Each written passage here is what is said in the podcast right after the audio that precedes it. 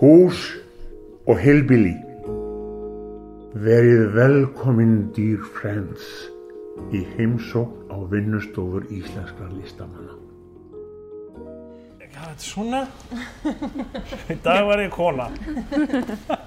Þetta ó, ég þarf að- að lesa bók, þetta er ógæðislega að fyndið. Já, lesta hans upp úr þessu fyrir okkur. Nei, það er, finnum eitthvað djúsi gafla. Ég er búinn að gera mig grein fyrir því hvernig karlmaðurinn skilgreinir konuna í góðsögunum. Ég var vist búinn að tala um það hvernig karlmaðurinn skilgreinir sjálfan sig í góðsögunum sem heiminguð. En þegar skilgreinir konuna, þá er konan fyrst og fremst tunglið og nautið. Í hverri viku flikkjast menn þúsundum saman til að sjá nautaat. Nautaat er gömul góðsaga sem hefur lifað af og er enn við líði. Hinn dýpri merking nautaatsins er svo að hér berst karlmaðurinn við konuna. Það er þess vegna sem nautið getur ekki sigrað. Nautabannin verður að sigra. Þetta er alveg, Er konan nautið, svo sagt? já, svo þetta í svona út frá góðsögulegu, Já. þú veist, út frá góðsögulegum klísjum. Ég er ekki að setja fram þó Óskar nautabannin sér drepun í þessum leik. Ég er að fordæma þennan leik, hann byggist á gamalli heimsku, á gömlu miskinningi og hann er heimskulegur, siðlaus og grimmur. Hvaða samband er á milli konunar, tunglsins og nautsins? Það verður mjög einfalt þegar mann fara að lesa góða sögur. Og svo framvegis. Og þetta er kona sem að skrifa þetta. Já, ég held að hann skri... Já, hann er hann bara... Ég meina, þetta er hennar hugsanir. Já. já. Já, kallinn, Hún er hann nærra- að skrifa þetta, en hún, hann er hún. En hann, hún Já. er. Hann er að skrifa sem þessi unga kona. Hann skrifar þessa bók eitthvað þegar hann er mjög gammal. Hann er búinn að gefa út sko, bækur í 50 ár. Já, og hann var sko, það var geggja, hún Svamborg sem var að kenna mér í málarhaldinni. Hún fekk sko, þú veist, þetta var algjör snill, hún fekk til að vera gestakennari í viku, Gunnar Dahl. Og svona, og þetta var svo hressandi, þú veist, þegar maður alltaf bara er í, þú veist, í einhverjum svona listaháskóli smá svona echo chamber sko. Það er alltaf alltaf svona sammála. Og svo bara, svo færði bara, svo færði bara einhvern gamlan kall sem var bara, já þið vitið öll list sem að hefur verið sköpuð eftir 1900 er dæm til að vera eyðinguna bráð, hún er ómerkileg bara, og einhver bara, en, en hvað með Picasso? Já, þið fannst list sem að draf 30 miljónir manna í fangabúðum góð list, þá var það þitt vandamál og veist að Picasso var kommunisti Ok. og þetta bara geggja kúl sko Hann er alltaf bara að tala um myndlist, ekki rit- ritilist. Já, já, hann var alltaf, jú, hann talaði bara um 20. öldin væri bara eitt miskilingur, sko. Og bara um mitt. Þetta var svona, þetta var, þetta var alveg frekar, þetta var geggju vika, að því að hún einhvern veginn svona, já, hún svona, hún, hún letum hann skilja hvað, hvaða viðþorf, þetta var svo flott hjá henni Samborgu, það skildi maður út frá hverju nútímalistin kemur. Hún kemur sem viðbrað við þessu viðþorfi. Já. Þannig að, veist, það var eitthvað svo, það maður, maður skildi þetta alltaf miklu dýbra við það að vera í eina viku með einhverjum sem að, þú veist, fyrirlítur þetta allt saman. Einmitt. Og púntandir hans voru ofta alveg góðir, sko. Já. Nei, maður þarf alveg að tekja báða hliðar. það opnaði líka bara, það er svo gaman til þess að lesa, þú veist, hvað listamenn á öðn, allt öðrum tíðarand að segja um listina, Mm. hvað hún þýðir. Mhm. Það er eitthvað sem er að gera verk guði til dýrðar, en þau eru geggjuð. Já. Mhm. Já. En hérna, við ætlum að gera smá kynningu. Já, Stundum gerum við það svona eftir á, en ég var með eina setning. Þú erum svo góða setningur sem þú ætlar að segja. Já. Þannig að þú byrja því. Sko, Hilbili sótt einu sinni námskeið hjá Ragnari, myndlistrokkar í myndlistaskólanum Reykjavík. Og síðan þá hefur mikið vatn runnið til sjáar. Já, byttu fyrir þið. Meðal annars er Ragnar búinn að gera ímislegt. Það verður maður að hæfa hér í viðtalinu. Þú líka. Við erum búin að gera það. Já, ímislegt sko. Já. Kannski ekki alveg að mikið, eða jú, jú. Jú. Við ætlum bara að fara yfir það svona í viðtalinu sko. Já. Mm, þetta var mjög skemmtilega námskeið. En það var rosa gaman að gera þetta námskeið. við, við Ástís Sif, Gunnarsdóttir vorum með þetta það var svona, þetta var eitthvað, þú veist, að halda myndlistarnámskeið út frá forsendum tónlistar, já. Já. Já, einmitt. Já, þið settu tónlist á og við ættum að gera Já, á meðan, já. já, Langt síðan, ég man ekki alveg hvernig. nei. Já, þetta var eitthvað svona, þú veist, að sína popvídeó og eitthvað svona, Já. og svo mikið líka náttúrulega um, þú veist, hvað tónlist er undir miklum áhrifum myndlistar og, og svo frá því. Einmitt. Mhm. Það var, þetta var alveg, þetta var ekkert svo vittlust. Þó títillin hafi verið smá glataður, eða, þú veist, myndlistrókar. Hann er komið hringin. Já, það var alveg komið hringin, sko. Já, þannig það er hallarislega, Já. það er eiginlega töff. Já, það var svona einmitt, það var svona þannig en svona, ég veit ekki alveg hvort það gerst að skila. Það var á sama tíma á hana bókin hvað er málið var í gangi. Þetta er Svona, þannig Já, stíl á þessu. akkurat. Myndlistrókar. Myndistrákar. Af því að þetta er tónlist líka. En hittu þetta oft eða verður þetta bara þetta einu skipti? Það var aldrei bara í einu skipti, já. Já. já. Hefur þú kent mikið síðan? Nei, ekki mikið. Eiginlega bara mjög lítið, sko. En bara svona aðeins svona, þú veist, komið haldið, þú veist, fyrirlista bæði með myndliskóla Reykjavíkur og, og listaskólanum og, e, og, þú veist, eitthvað svona viðtöl og eitthvað, jú, svo hefur við kent einhverja kursa, þú veist, en það er alveg langt síðan, sko. Þú veist, það er mjög gaman. Já. Er ekki svolítið mikilvægt að hlæra myndlist? Já, læra myndlist. Mm. Já, mér finnst það. Þú veist, ég, þess að ég fór í, í myndliskólan, þá bara, þá miskildi ég þetta gjörsamlega. Ég bara, ég lærði þann, ég, ég lærði að hugsa, Mm. ég lærði þessa hugsun. Já. Þú veist, ég, hvernig, þú veist, ég, man, ég fór í, þú veist, ég fór í, í myndliskóla bara eitthvað með því við þóri bara, ég ætla að gera, ég ætla að gera sögumálverk, ég, ætla ekki að gera svona list sem er bara eitthvað rík í póka. Mm. Þú veist, eitthvað svona Já. unglingur sem ætla ekki að vera konceptuál, ætla að vera málari. Og ætlaði bara í alveg að vera málari. Já. Já. Og ég meit, ég var sko, þú veist, því ég var í fornáminn, þá fór ég til Rússland sem heit. Og bara var, þú veist, bara svona, þú veist, þá bara þá í 1990 eitthvað var Rússland svona eins og koma í 19. öldina. Já. Þú veist, það bara, á bara geðvegt. Og, þú veist, ég ætlaði alltaf að fara í, þú veist, akademíun í Pétursborg og læra, læra svona akademist málverk. Mm. en bara guði sér lof og bara fór ég í myndilskólan og, og þú veist skemmtist í töff krökkunum í fjöldtækni deild og, og bara hausina mann opnaðist fyrir, fyrir bara hugmyndalist og, Mm. og bara öllum þessum þessu, þessu dásamlega frelsi myndlistarinnar sko. Þú varst líka til Svíþjóðar. já, ég fór, fór sem skiptinu mig í hérna, það var eiginlega svona eins og brandar eða, þú veist, það voru allir, það var svo, þú veist, svo algengt að fara sem skiptinu mig til Barcelona eða eitthvað svona, eitthvað svona dásamlegt Já. Já. Þetta var eiginlega svona, svona brandar sem gekk eitthvað langt. Mér fannst svo ógeðslega fyndið að fara til Svíð, þá var Svíþjóð bara, eða þú veist, núna er alveg Svíþjóð smá töff, en það var bara veginn, þá var hugsunum Svíþjóð bara ekkert töff. En var það ekki gott? En það var reyndar nefnilega alveg geggja, sko, og þú veist, þessi, einhvern veginn, það að vera svona, þú veist, einn í einhverju svona leiðinlegu lífi í Stokkólmi, sem að var síðan líka, sem var síðan skemmtilegt, Mm. það bara, það, einhvern veginn, það, það bara, þú veist, það bara fann, fann ég mig sem myndlistamæður, sko. Ok. Ok. Svona byrjuðu hugmyndirnar sem að urðu síðan bara því sem að ég hef verið að gera síðan í rauninni, Já. þú veist, til. Ok. Mm. Já, Skilett. já svona, það er rosa gott í bútið sviðar. Mm. En var list í kringum þegar þú varst að lista?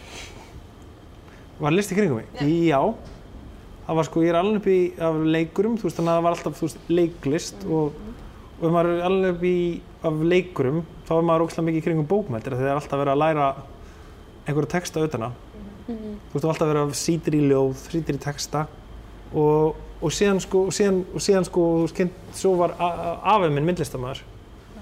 Þannig að, þú veist, þannig að þá kynntist maður, þá kynntist maður myndlistamönnum í gennum Mhm. afa og, þú veist, og hérna, og líka sýsti pappa, Inga Sika Já.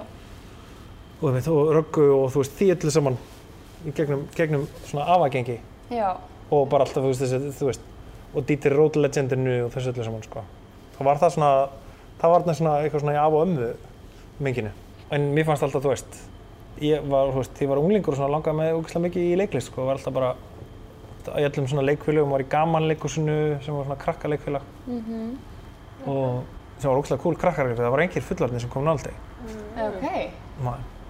Var að Magnús Geir sem er núna þjóðlugustjóri, hann bara stopnaði leikfélag, Bara sem krakki? bara sem krakki, voru bara krakkar í því. Ok. og hann var leikstjórinn Hann var bara, Ógæslega cool. og var að gera þar alveg bara, þú veist, bara, bara fullskeil sýningar, sko.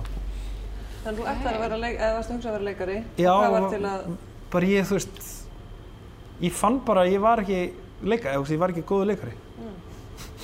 Þú finnur það einhvern veginn bara eitthvað, þú veist, þú hefur þetta ekki alveg. Já, þú veist, bara ma ég maður fann einhvern veginn, já, ég á ekki eftir að verða, þú veist, ég á ekki eftir að verða ykkur, þú veist, ég, þú veist, maður finnur bara eitthvað að maður er enginn hilmisnæð, skilur. Dæmi. og bara þú veist og líka við að allt upp í leikus og vissi ég bara alltaf hvað þú veist, þú verður að vera ógeðslega góð gó- góðuleikari til þess að þú veist, hafa ógeðslega mikið að gera Mm. og, þú veist, og leikhús byggir á því að aðrir byggja þig um að gera eitthvað Mhm. svo bara fannst mér myndlistin svo heillandi að þú veist, þar getur búið til það sem þú vilt út af því Mm. að þú veist, hún, þú veist, það er engin þú veist, þú getur alltaf gert myndlist og engin vilji myndlistina þeirna Einmitt. Þú getur líka verið myndlistamæður og verið leikari sem myndlistamæður. Eins og þú kannski Akkurat, þannig að það, þú veist, það frelsi síminn hringir Fyrir? Já. Nei. veitu? Er þetta þemala lífstíls? Þetta er þemaða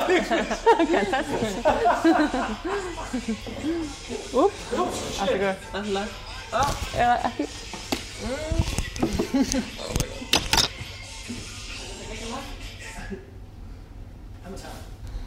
Já, halló, halló Já, hvað er það? Ok, kíkja, ok Hvar voru við? Við vorum að tala um eitthvað að byrja, já, svona þegar þú veist, þegar maður fyrir í, já, við vorum að tala um, þú veist, þetta Sorry, já, já, já, um, þú veist, um frels, um frelsi myndlistar Já, já, ummitt, já. algjörlega. Ég vissi, ég vildi eitthvað neginn Þú veist, þú fannst tónlist ógæslega spennandi líka og, þú veist, og myndlist var ógæslega mikið þú veist, bara þekkjandi tónlistasöguna þá bara, þú veist, þá er myndlist eitthvað neginn, þú veist, allar þú veist, David Bowie og Rolling Stones og Beatlarnir og allt kemur einhvern veginn úr, öll Evróst tónlist kemur úr myndlistaskólum, Já, ummitt. svo mikið. Menn þú veist, amerísk tónlist kemur einhvern veginn úr bara jörðinni og, og þú veist, og, og útkverunum og þá er Já, svona, bílskúra já, menning og svona. en svona en þú veist, Evróst tónlist er rosa myndlistaskóla legt fyrir bara, svona pop, pop tónlist Ok. en ég, í rauninni næst ég fór sko í, í þú veist, bara til þess að læra að vera poppari Þú Fórst í myndlistaskólann? myndskólan? já, Já. en ég leit svolítið þannig eða, þetta var svona mjög opið, mann bara vissi að fara í myndlistaskóla væri eitthvað þárlegt frelsi Já. Þetta er náttúrulega bara svona eiginlega orð, en fannst þér, þú veist, þú varst tónlistamæður, varstu þá að gera það sem myndlistamæður eða varstu, va- varstu poppari, þú veist, tónlistamæður? Þetta er náttúrulega bara orð samt. ég þetta er bara orð, en þú veist, já, ég var við langaði að vera poppari sko. En svo var ég bara í hjarta minni myndlistamæður sem, að, sem þetta er sem er eftir að fatta hvað það er sko. Já. en þú veist, ég var það bara þú veist, ég var þú veist, þetta gekk ekki upp. Ég var svo mikið feik alltaf sem tónlistamæður en í myndlistinni bara er allt, allt í. Hérna á Rúf um, í sumar, eða það er verið að sína svona íslensku tónlistar, eh, móla eða eitthvað og það var verið að fara í, ég fór bara inn í þáttinn, en það var verið að hérna, sína vídjói við The One. Já, og var að tala um, já, um þessi hvítu jakkaföt og það var rosalega skemmtilegt, mjög áhugavert hérna þáttur. Og, og sagt að þú geti grátið on cue. Já, og svo var alltaf að sýnast eitthvað svona tár niður sem er ógættur mikið leikara eiginleiki, það er ekki einu svona allir leikar sem geta gert þetta. Ég, ég man bara eftir að ég lærði einhvern tímann bara, þú veist, þú bara, þú veist einhvern tímann heyrði ég bara mömmu tala um það eitthvað við eldurspori, bara já, þú bara horfir í ljós og þá kom, koma tár Ah. og ég var einhvern veginn ekkert eitthvað, Það virkar ekki fyrir mig. ég var bara að horfa út um sterkan kastara þannig að þú veist að ég, þá horfði ég og ég var ekkert að segja um okkur, ég bara eitthvað þú veist, þetta er alltaf leiklistin, leiklistin er svo brúta listform, þetta er mest manipulirandi listform til Já. þú veist, myndlistin er svo dásamlega, þú veist, þú, hún er svo opinn en þú veist, leiklist er bara eitthvað þú veist, þú átt að sitja hérna og svona átt að skilja þetta. Svona þú er að líða, þú átt að gráta hérna hlæja hérna Mm og þú veist það er rosalegt. kannski það sem þú fílaðir ekki, þess vegna varst ekki góða leikari, eins og þú segir. já, kannski, var ég ekki eitthvað, þú veist. Mér finnst stressandi líka að Er alltaf að passa upp á röddina sína, maður má aldrei vera veikur. nei, og þú veist, þú þarft að Já, það er alltaf mjög Þú það samt, þannig að þú getur alveg. ég var svona, Hann er bara þykastur að Lærðu falla. ég var, já, ég ekki svona fabulous, ég er alveg fabulous En með Trabant, af því þið langaði að vera poppari, þú bara stopnar þessi hljómsveit. já, Hvenær varst, var það í... ég er þetta stofnan ekki, ég tróð mér inn í hana bara Á tróðsveinu. já, Tróðurinn sem söngvari. já. Hvenær var það? Þa, það er svona um, aldamótin, eitthvað, um Þú 2000 varst ennþá í allavega í... Já, þá var ég líka búin að vera í hljómsveit sem heit Canada og svo annar sem heit Cozy og eitthvað svona, Kósi. Cozy, já, Þú var að syngja alltaf. gerum, gerum jólaplötu. Og það var svona, Ah, ok.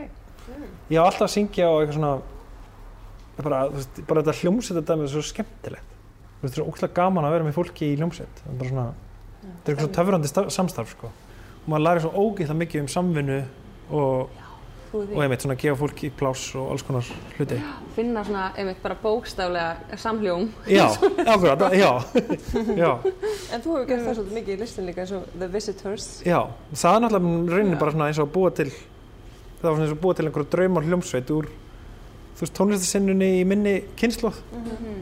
og bara svona þeim sem langaði svo að vera með hljómsveit og, bara, og svo bara, þú veist, fórum við og gerum þetta verk og það er bara það eina sem hljómsveit hefur gert Já, og þú veist, og svo er þessi hljómsveit bara alltaf túrandi ennþá, já, einmitt, bara sem vídeo. sem vídeo, Já, já, í. Já. Þú veist, þið er orðið svona algjört svona, algjört skrónster, sko sem er bara mjög gaman, sko. Hvað var það að tekið upp áttur? það tekið upp í, það heitir Rokaby sem er upstate New York. Já, það var stað sem ég kynntist þegar ég var að sína, var að gera gjörning í sem lokaverkefni á Markúsi Þór Andersinni sem var þá að læra í Bard. Þá ég, gerði ég gjörning sem í hluta útskiptaverkefni hans og þú veist, þá bara var hann bara eitthvað já, þú veist, þú farð að búa í geggjöðu húsi og þá bara bjói ég í mánuð þannig í Rokaby hjá þessari geggja dásamlega förðulegu stórkuslegu fjölskyldu þarna í, þú veist, bara í 19. öldinni þetta bara hús er gjörsamlega tröflað sko.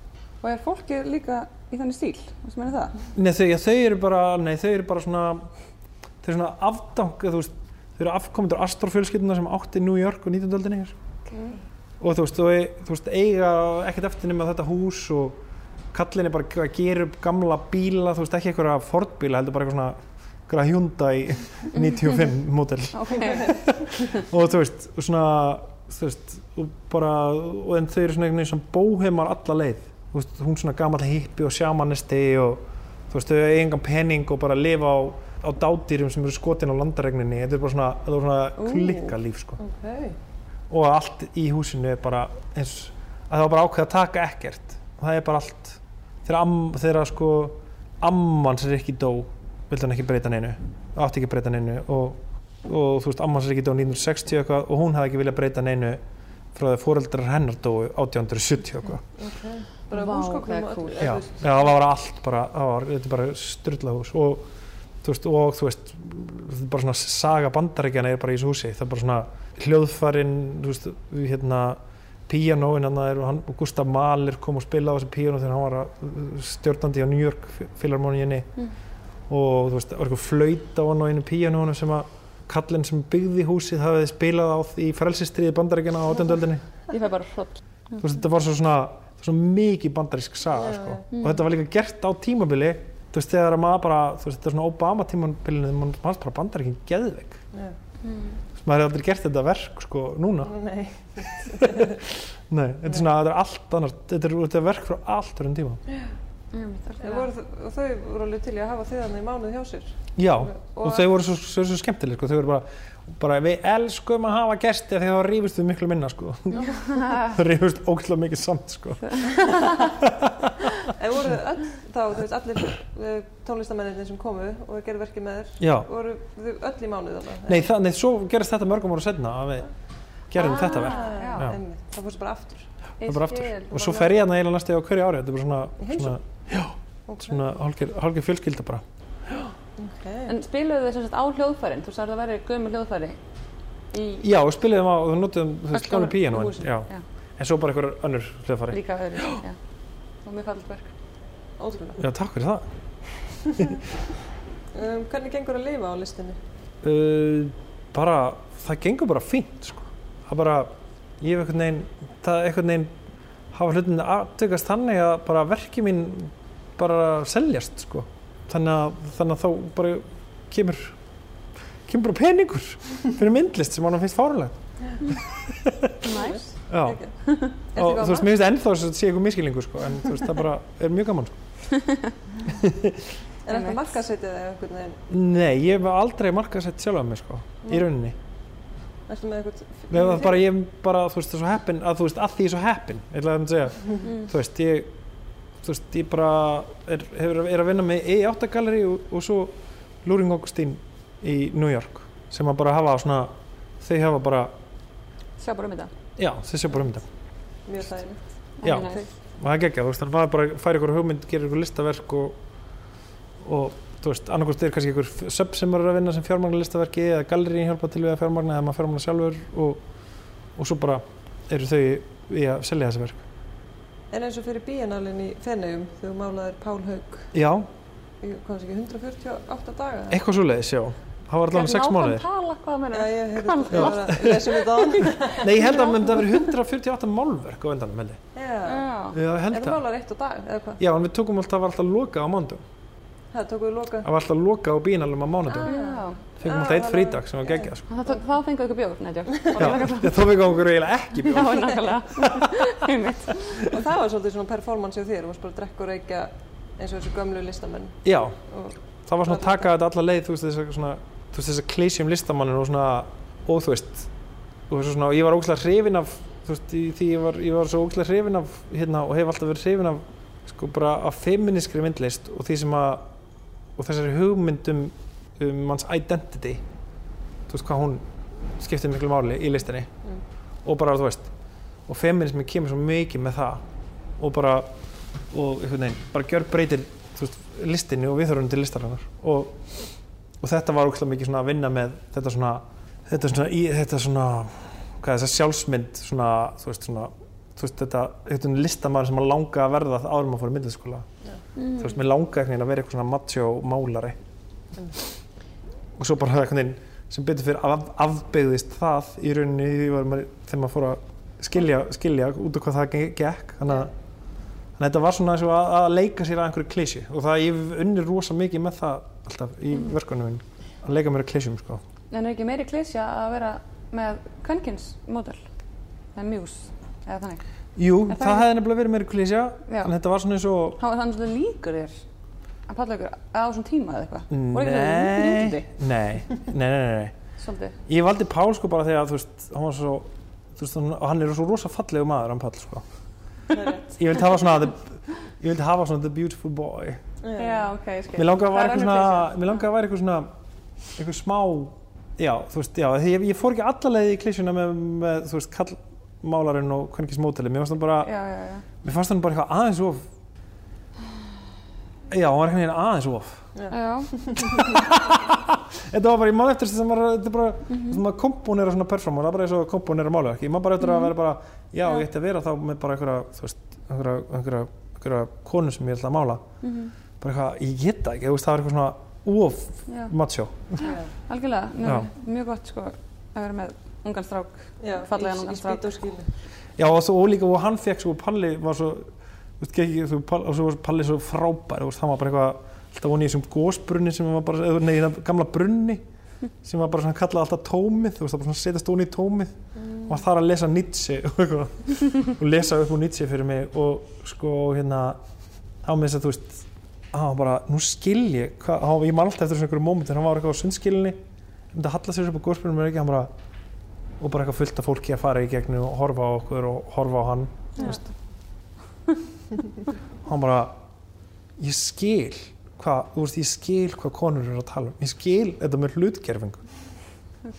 bara, ég er alltaf bara svona, já, ég skil eða mitt, ég skil, en núna bara, núna skil ég þetta í alvörunni, Já. það var geggjað sko, Já.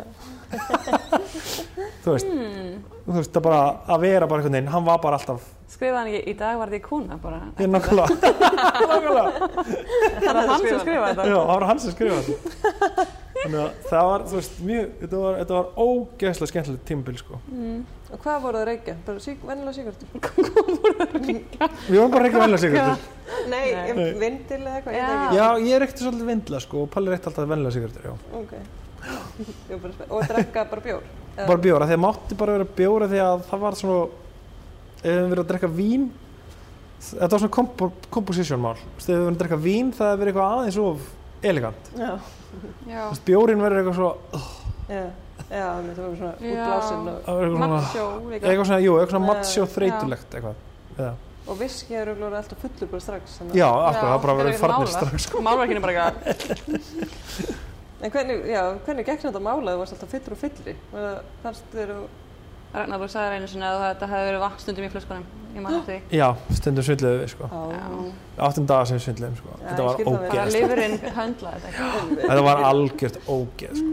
Voru bara í ykkur svona detox spa á þessum mánudags já, fríum já. Hvað er að gera eftir á til að detoxa úr þessu?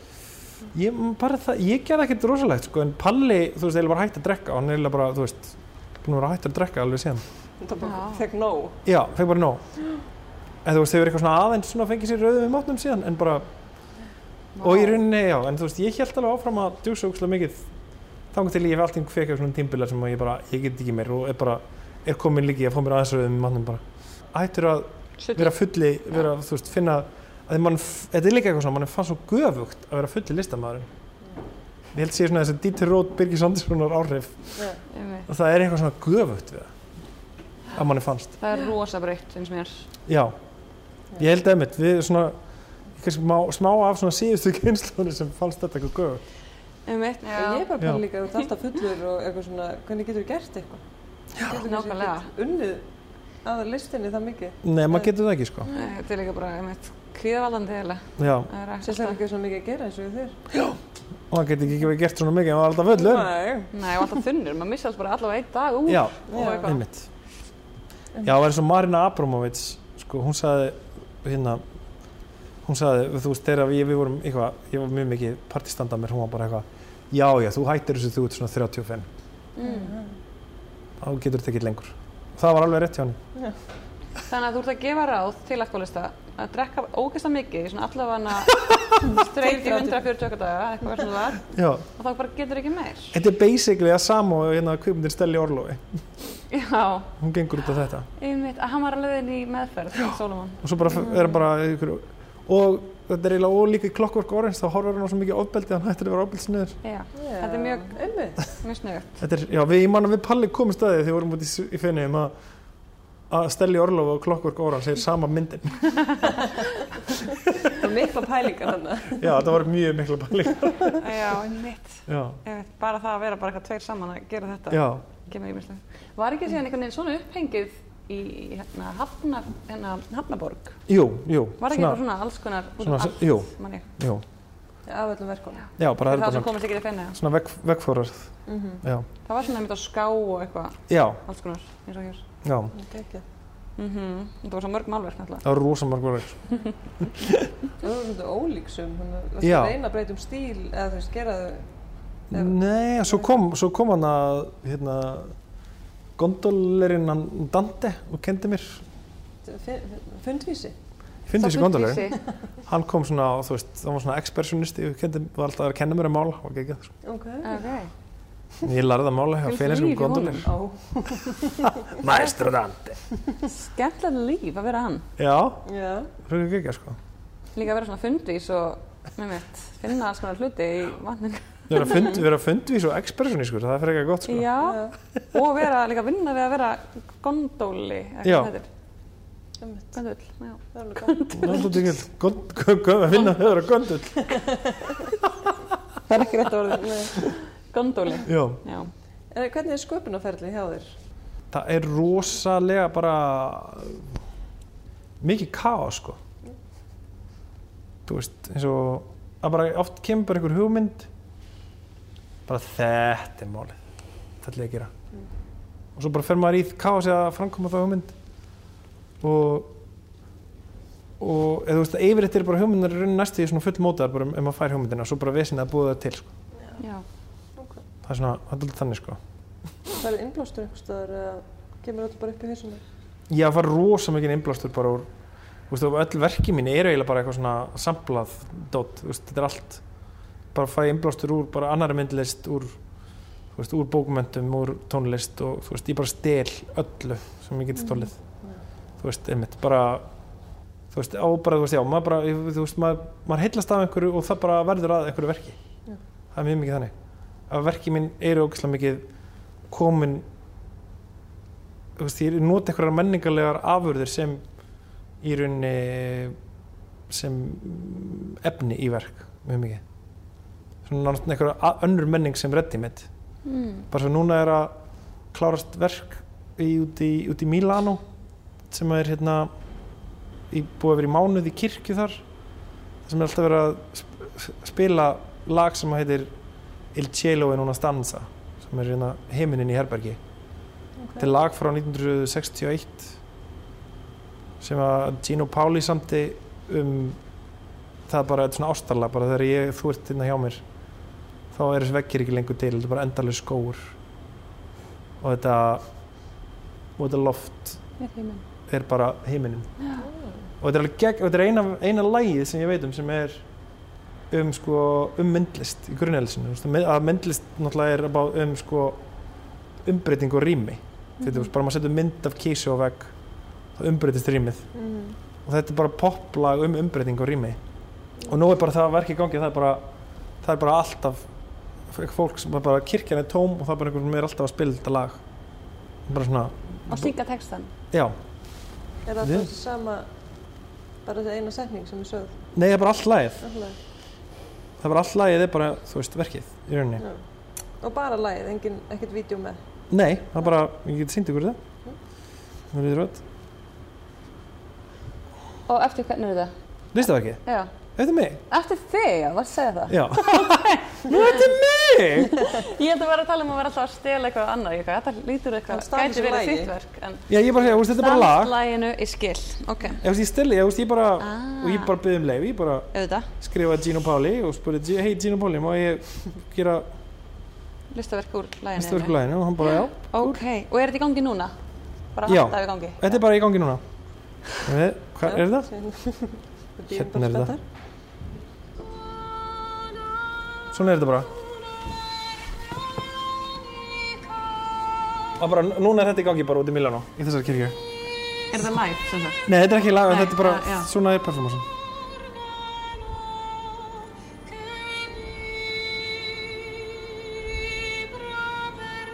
Það er mannskan sem er að spila líka að syngja. Já, Mm. Ok, það er flott. og þetta verður svo mikið sko það er geggja fucking lag sko Þannig að standi heiminn eitthvað fyrir ofan, sem Hvað standir hana? Þetta er humilitas, auðmygt Auðmygt Talar ítalsku, já. er sko og, og þú veist, og svo náttúrulega þú veist, þetta var, var verk var uppilega í, í Wales Gorgeous. og svo var Massimiliano Gianni heitir hann, hann er ítalskur en, en er, þú veist, með New Museum í New York hann fekk bara þessi hugmynd að bara gera þetta verk sem hann hafði vissi af að það hefði verið gert í Wales gera núna Ítalíu bara í farsóttinni. Þú veist, í, og þetta er kirkja sem er beðið sem farsóttarkirkja þú veist, 1600 og eitthvað. Ok. þannig að núna er hún bara tóm og þetta, að þetta er líka svo mikið um þú veist, þú veist bara einn í herbergi. Og bara, þið finnst bara að vera endalega skóur út úr því. Þetta er svona um einmannaleikan einhvern veginn og það er alveg svona. En þetta verður alveg svona. Þessi er líka eitthvað svona eins og tengt kirkju, að fólk fór inn í kirkju, svo bara himnaríki, Já.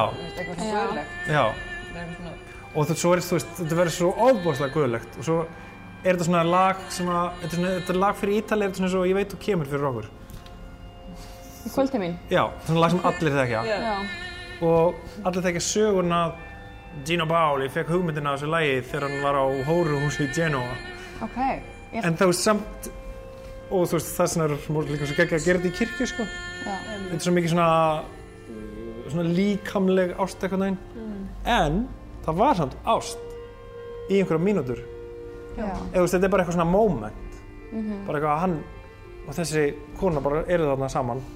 Og hann upplifir eitthvað sem hann hefur aldrei upplifað fyrir þessi þér á æfisinni og gerir geggja lag á það. Mér finnst það svo fallegt að þú veist þetta var alveg ást. Þó hann hefði bara varað í nokkra myndur Var þetta bara ein kona, af hverju var ég að fæla því? En þú veist, var þetta bara... hann var ekki með marr hann var ekki með marr Nei, ég meina, ég skil það, var eitthvað guðlegt, ég veit það ekki.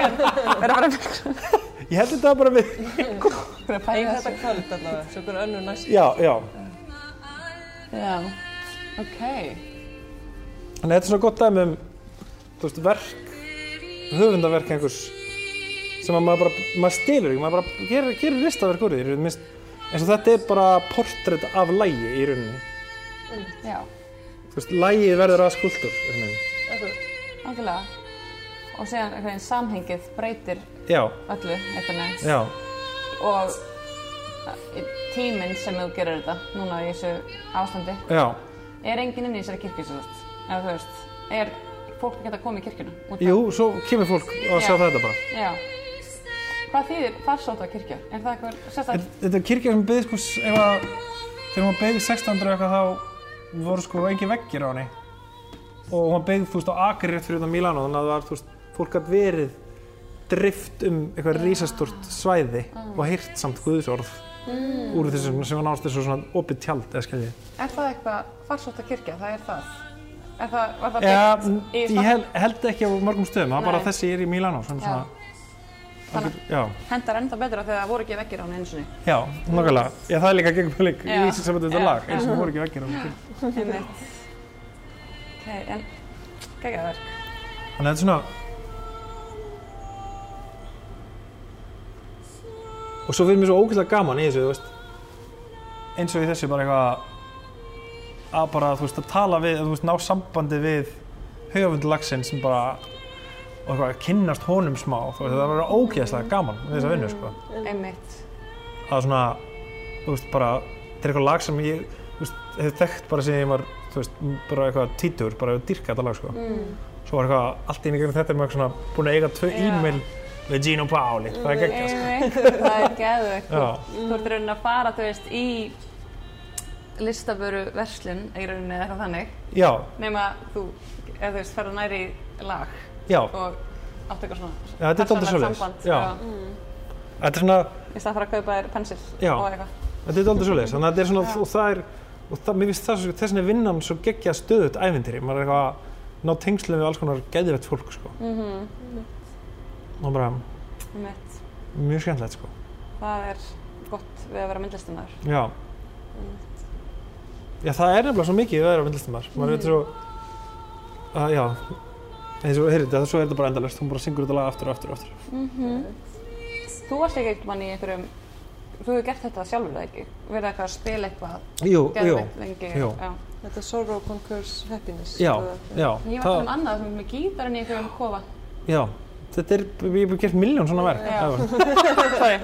Og bara frá því að ég var í middlskólum að þú veist svona það var eitthvað og þetta er kannski svona, svona, svona grundtótt í verkunum mínum eða eitthvað svona að skuldur gera eitthvað sem er frásögn eitthvað Já. lag er frásögn eða þú veist leikrit er frásögn en bara um leið og endur tekur það Já. þá hættir það að vera frásögn og verður bara svona eins og Eitthvað skuldur form. eða málverk það verður bara form Já, Já. algjörlega.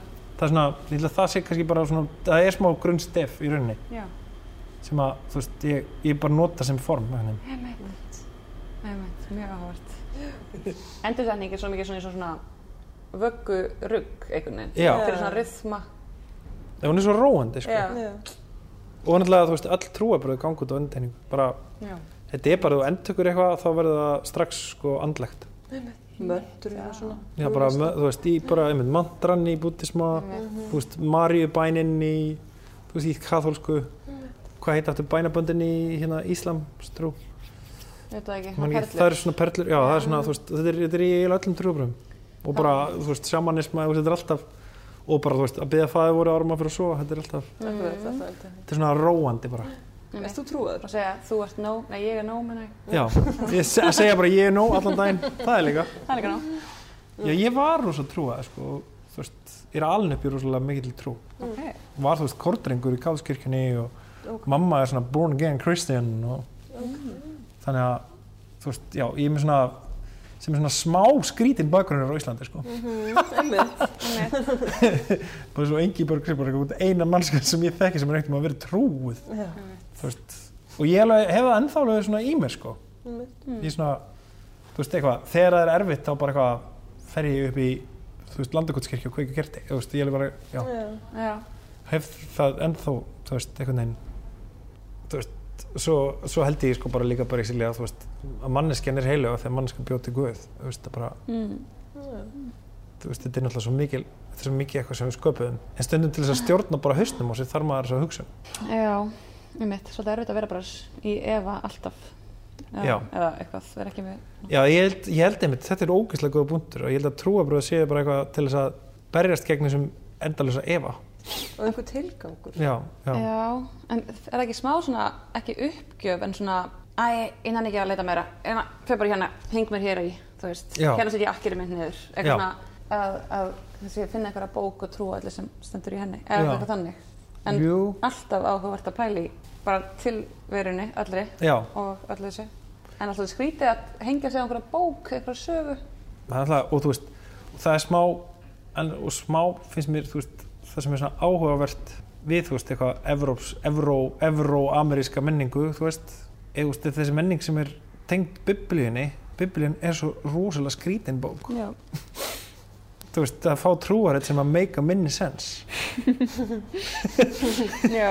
og þú veist, og það held ég að Marg túlkanleg alveg. það held ég að kannski verið smá heppni þú veist, það býr til óbúslega mikið mikið space fyrir alls konar túlkun og rugg þú veist, það er svona en þú veist, en samt náttúrulega bara ógeðslega kúandi afl líka Jesus, ég meina eins og veist, hér á Íslandi eitthvað svona þetta er eitthvað gömul íslensk lúterska þetta er náttúrulega bara eitthvað svona algjör, algjör fucking martröð, sko Bóðar en tíu eru rosa góð. Svona sem reglur, eða ekki? Já, Eða allavega þetta gullna bóðar, það er mjög gott. það er gott, sko, en allt þetta, þú veist, þetta er náttúrulega svona þetta er vissulega mjög karlægt, sko skalt ekki gyrnast eitthvað dýr eða konu náunga eins Já, og svona. Já, jú, reyndar. Þannig að við megum gyrnast menn náungar. þið með alveg gyrnast menn Já, nákvæmlega. Það segir ekki. Nei, þú veist, þetta er, þú veist, þau eru, veist, og þetta meikar allt saman einhvern sens. En mér varst þess að gegja þess og, þú veist, þegar ég var kortrengur, þá var biskupin, Alfred Jolson, sem var amerísku biskup, hann var góðu kall, sko. Hann var ekki, hann var ekki perri, sko. Mjög gott. og, og hans, ég, þú veist, var sem ógæslega mikið að pæla í biblíinu sem úlingur og ógæslega mikið að pæla í að gerast katholiki og eitthvað svona. Hann var ekki að gerast katholiki fyrir út um 23, þú veist, bara byttu með þetta. Syngaðu aðeins fyrst. Já, eða bara já, bara svona, þú veist, þú bara veist ekki, þú veist ekki hvað að gera, þú ert unglingur. Nei, ég. Og, Það er gott ráð. já, og svo var hann líka bara, já, og ég bara eitthvað svona, ef maður er trúið, maður verður maður að gera,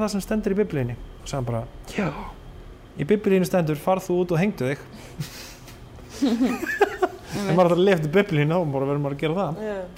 Þú Veist, það, það var rosa lærdómur, sko, fyrir eitthvað svona leitandi sem að Mhm. hefði getið bara sokkið í einhverja bókstafstrú og það bara, Já, þetta getur, þetta getur verið hættulega stöf, sko. já. En stendur það? Ég ætla að vera algjör synd að drepa sig. Nei, þú veist, það stendur, þú veist, í einhverju frásögn af einhverjum. Já, það var bara svona, þetta var svona Já, leik sér að þú veist, já. er svölda alls konar milljón Mm. frásögnum mótsögnir og alls já, konar. þú veist, þú veist, ef þú ætlar að lifa samkvæmt biblíunni, Já, þá bara það ekki meikar engan sens nei mitt, einmitt, einmitt, einmitt. já, Ah, það er gott að geta haft spjall við hann einmitt. já, það var rosa gott, sko Mér, mér líður einmitt líka mjög vel inn í kirkjum. já, Það er eitthvað Ykkur ró. ótrúlega gott oft að vera að eitthvað sem er. það er ofta ótrúlega gott einmitt, sko. og svo er maður bara eitthvað svona bara, já, ok, ég elska að vera þetta en bara, uh, þess, þessi stofnun sem ég er inni er eitthvað svona er eitthvað svona geggjaður mótur á mótor haturs í heiminum sem er líka svo skrítið þegar, þú veist, eins og þetta er bara þetta er bara eitthvað sem er búið til að manneskjum mhm. og það sem er búið til að manneskjum er bæði gott og vond þetta er svo mikið Já, algjörlega. en þetta er bara, þú veist, þess vegna er ég ekki svona ég, þú veist þú veist, þegar að allt sé svona alvond eða algott, það er úrslega erfitt að Það er eiginlega ekkert, bara Nei. ekki neitt eða þannig. nei, Það er bara, allt er grátt. já, allt er grátt Já. Mér ákveðs að spyrja hvaða ráð myndur þú gefa einhverjum sem kannski að, núna í listaháskólanum að byrja í BIA eitthvað, eða einhverjum listaháskóla? Ráð sem svona nefandi ég held sé bara að bara stetta, henda sér út í þetta að veist, fylgjast með myndlist annara bara sökka sér onni í listina og bara í þetta vesen sem hún er. Þú veist til þess að einhvern veginn eiga líf í listinni þá einmitt verður maður að vera að hjálpa vinnum sínum að setja upp sýningar og lalala, allt þetta, allt þetta vesen. Það, það skiptir ógeðslega miklu máli hvar sem maður er í þú veist, karýr karriér. Mm. þú veist, eitthvað minnst að, minnst að, þú veist, að bara þú veist, eins og bara fyrir mig heldur það mér sko sein að eitthvað vera, þú veist, við og við að stúsast eitthvað upp í kling og bang. Já, eitthvað svona, þú veist, það er bara það að vera með í senunni gerir mann einhvern veginn að listamanni. Já. Gott að- það sé bara svona, já, það sé ráð nummer 1 og 3 Já. þú veist, þá lærir maður bara svo ókslega mikið. Mm -hmm. að því að þú veist maður verður smá að passa sig á þessu hérna á, þú veist, að því að þegar maður stígur út að skrifa að gerast listamaður þá er maður eitthvað svona er bara, og gerir maður svo fárlega ákvörðinu bara það sem ég geri er mikilvægt Ég er skapari. Ég er skapari. Já. og maður, þú veist, það getur verið svo uppfokandi sko. Þá, Uppfokandi já, þá verður maður líka, þú veist, svo bara, þú veist og svo bara er, er heiminum alveg sama og þá náttúrulega verður maður bitur og bla bla bla þú veist, alls konar. Og þú veist, þú geggjar að þrá þegar ég var í, veist, í myndliskóla og hann var Þórður Þorsteins að kenna. Já. og hann var bara eitthvað, já, nú er ég búin að kaupa hennar fínu strega hérna, já, og þess að fínu liti, fínu pensla. Svo ætla ég að fara að mála á hennar strega og svona. Þetta þá er að eyðileggja litin og eyðileggja pensluna og eyðileggja, Já, þetta er alltaf eitthvað sem kostar þetta í búðinu þeir eru búin að mála eitthvað á þetta þetta er drass. Þeir eru bara einhverju nefndur sem að það alveg, og þú veist, og hann var alltaf með þetta eitthvað, það er engin, það er engin sem vill að þessi myndistamenn, það er engin sem, fóreldrar er eitthvað að láta eins og að, þú veist, þeir séu ánægð með eitthvað þeir vilja bara, þeir séu hamingisum, þeir eru eitthvað alveg sama hvað er að, veist, það er engin sem vill myndlistina þeina Nei, nákvæmlega. og mér varst þetta svo frelsandi. Ah, já, nákvæmlega. Já, og og þetta er eitthvað sem við varum fyllt mann alltaf í sköpun, þú veist. Og þú veist, þetta er svo geggja frelsi að það vill þetta enginn. Nákvæmlega. Já. Það er öllum sama. Það er öllum saman. Það okkur er þá ekki bara að gera nákvæmlega það sem mann langar til að vera að gera. Já, Já. einmitt. Það er ógæslega gott. Mhm. Gott ráð líka. Mhm. Uh Mjög gott. Þannig að þegar þú gerir verkið með mömmuðinni, þegar hún hrækir á þig, Já, var það bara, já, ræðum. Segir, það var- bara pælingiðin, bara, ég ger bara það sem ég vil, ræðum bara hrækja mig. nei, reyndar ekki. Þá var ég að reyna að þóknast ykkur um, þóknast kennara sko. Þegar þú gerir Og þetta. var að reyna að gera svona töff listaverk. Mm. Já. Og þannig, er Arnold Mík, æðislegu listamann, hann var svona gestakennari. Mm. Og hann sá þetta verk og hann var bara, þetta er ekki, þetta er ekki gott verk sko. Þú veist, maður sér alveg að mamma henn er að þykjast. Mm. Þú veist, og þeir eru eitthvað að flissa. og þetta er ekki alveg ofbeldi eitthvað. Þetta er ekki, Mm. verki hefur ekki þessa sjokkarandi virkni sem að þú veist að leita leita eftir. Já. Ok. Og ég var bara á algjörum bömmir. Mm. En það sem hann sagði kveikti bara svona á því sem ég bara síðan verið að vinna með. Þú veist bara, í, svo var bara eitthvað, já það er satt. Veist, hún er leikona, hún var að leika þetta. Mhm. Þú veist, það er eitthvað sannleikur í allir líginni í þessu. Já. Og hefði hann ekki sagt þetta við mig, hefði hann bara verið bara, já flott þér. Mhm. Það hefði ég aldrei fattað þetta og aldrei bara fattað hvað minn bara karriér fór að ganga út á. Þú veist, þannig að þú veist, ég er honum svona eilíflega þakkláttur fyrir að, að við, þú veist, bara, bara fyrir kennara að nenna gaggrina. Einmitt. Veist, það er svo auðvelt að vera bara, þetta er rosa fínt hjá þér. Já. Þú veist, ef, þú veist, ég, þú veist, þegar ég hef verið að kenna, ég get ekki einhvern veginn, nefnist það rosa erfitt, sko. Því að mann finnst allt bara fín. Já, það er bara gaman að að prófa að reyna eitthvað. Já, Já. en þú veist, það er ógeðslega erfitt að vera bara, þú veist, mín skilda er að vera. Einmitt. Þú veist, það, þessi mannski er inn í skólanum Mhm. og bara það sem hún fær út úr skólanum er að ég sé gaggrinin með hana. Það er bara, þannig að hann bara reyndi að finna eitthvað sem að hún var neikvægt Já. og það gerði það að verkum að ég, ég búist, bara fann mig. En við samt alveg munur á neikværi og uppbyggilegri gaggrinni. Já. Þú getur alveg sagt þetta, þú getur gert þetta betur. Já. Eða eitthvað. Ég veit að það er svolítið snúið samt, við erum kennari, þú veist, En hann var alveg hardcore sko, ég var þú veist alveg bara það hefði einhvern getað sagt þess. ónýtur, grátandi. Já, En þú veist, hann, bara, hann bjóð til bara fyrir minn. Það hefði annað kennari getað sagt, sko, sagt hérna eitthvað allt annað um verkið, sem hefði þá breytt líkaferlinu þínum. Já, þetta er svolítið svona, hengja sig á eitthvað svona gaggrinni hjá einhverju kennara, sem Já. er bara einhver kennari, sem var kannski einhverju skapi. Það er líka svolítið skrítið, það er svolítið skrítið. En það er annað mjög gott ráð, það er alltaf að taka öllu, allri gaggrinni með fagnandi. Það er ógeðslega mikilvægt. Mm. Og sko, og líka ég er myndið alveg upp, þú veist, í leikúsina sem allir alltaf góðslega pirrar á gaggrinendum. Já, Og mér leiðist svo þegar fólk er að bitsast út í gaggrinendur. Þú veist, fólk sem nennir að hafa skoðun á þessari listadrasli sem við erum að búa til. Og nennir að setja það í samhengi og nennir að segja eitthvað um það þó að það sé alls ekki það sem ég var að meina og þó þú hefur ekki bakgrunn til þess að geta haft vita á verkum Ragnars Kjartanssonar þá he- hefur allir þú veist sá sem ég sett þessi verkana fram hver sem er hefur vitað um. Ég get ekki ég get ekki eitthvað fara að bitsast út í gaggrindur minnst það bara svona þó að stundum fara maður alg þú veist þú stundum segi gaggrindur eitthvað sem að maður bara þú veist, er bara nei það er ekki svona. Það, það yfirleitt sem hann sko þú veist að tíminn liður hjá þá ef maður yfirleitt og maður sé maður gaggrinin aftur bara já það er alltaf samt hjá henni. Þú veist þegar maður, þegar maður er ekki jafn sko tilfinningarlegin vestið í verkinu.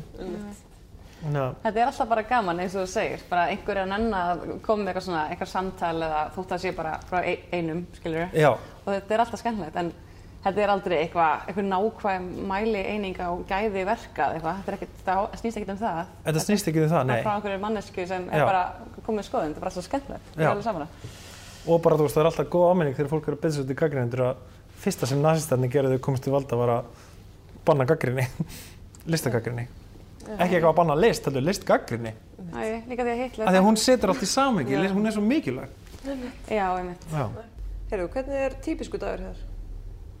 Hann er, hann er svona eitthvað við svona stussi einhverju, uh, við heldum svona fundum eitthvað sem við erum að vinna í, maður ískrifa einhver e-mail, einmitt, þú veist, einmitt eins og fer í og, þú veist, nú er mjög gaman að eiga svona, fara í eitthvað svona viðtal í, við ykkur, en þú veist, oft er þetta eitthvað svona viðtal á Zoom eða eitthvað, Skype eða eitthvað og og þú veist, aðeins að tjekka df.is og svo þeim árið í búð og verslar en ég á í rauninni, þú veist, ég er í rauninni á í mjög lítið svona típiska daga. Já. þú veist, þeir eru alltaf kaos. Já.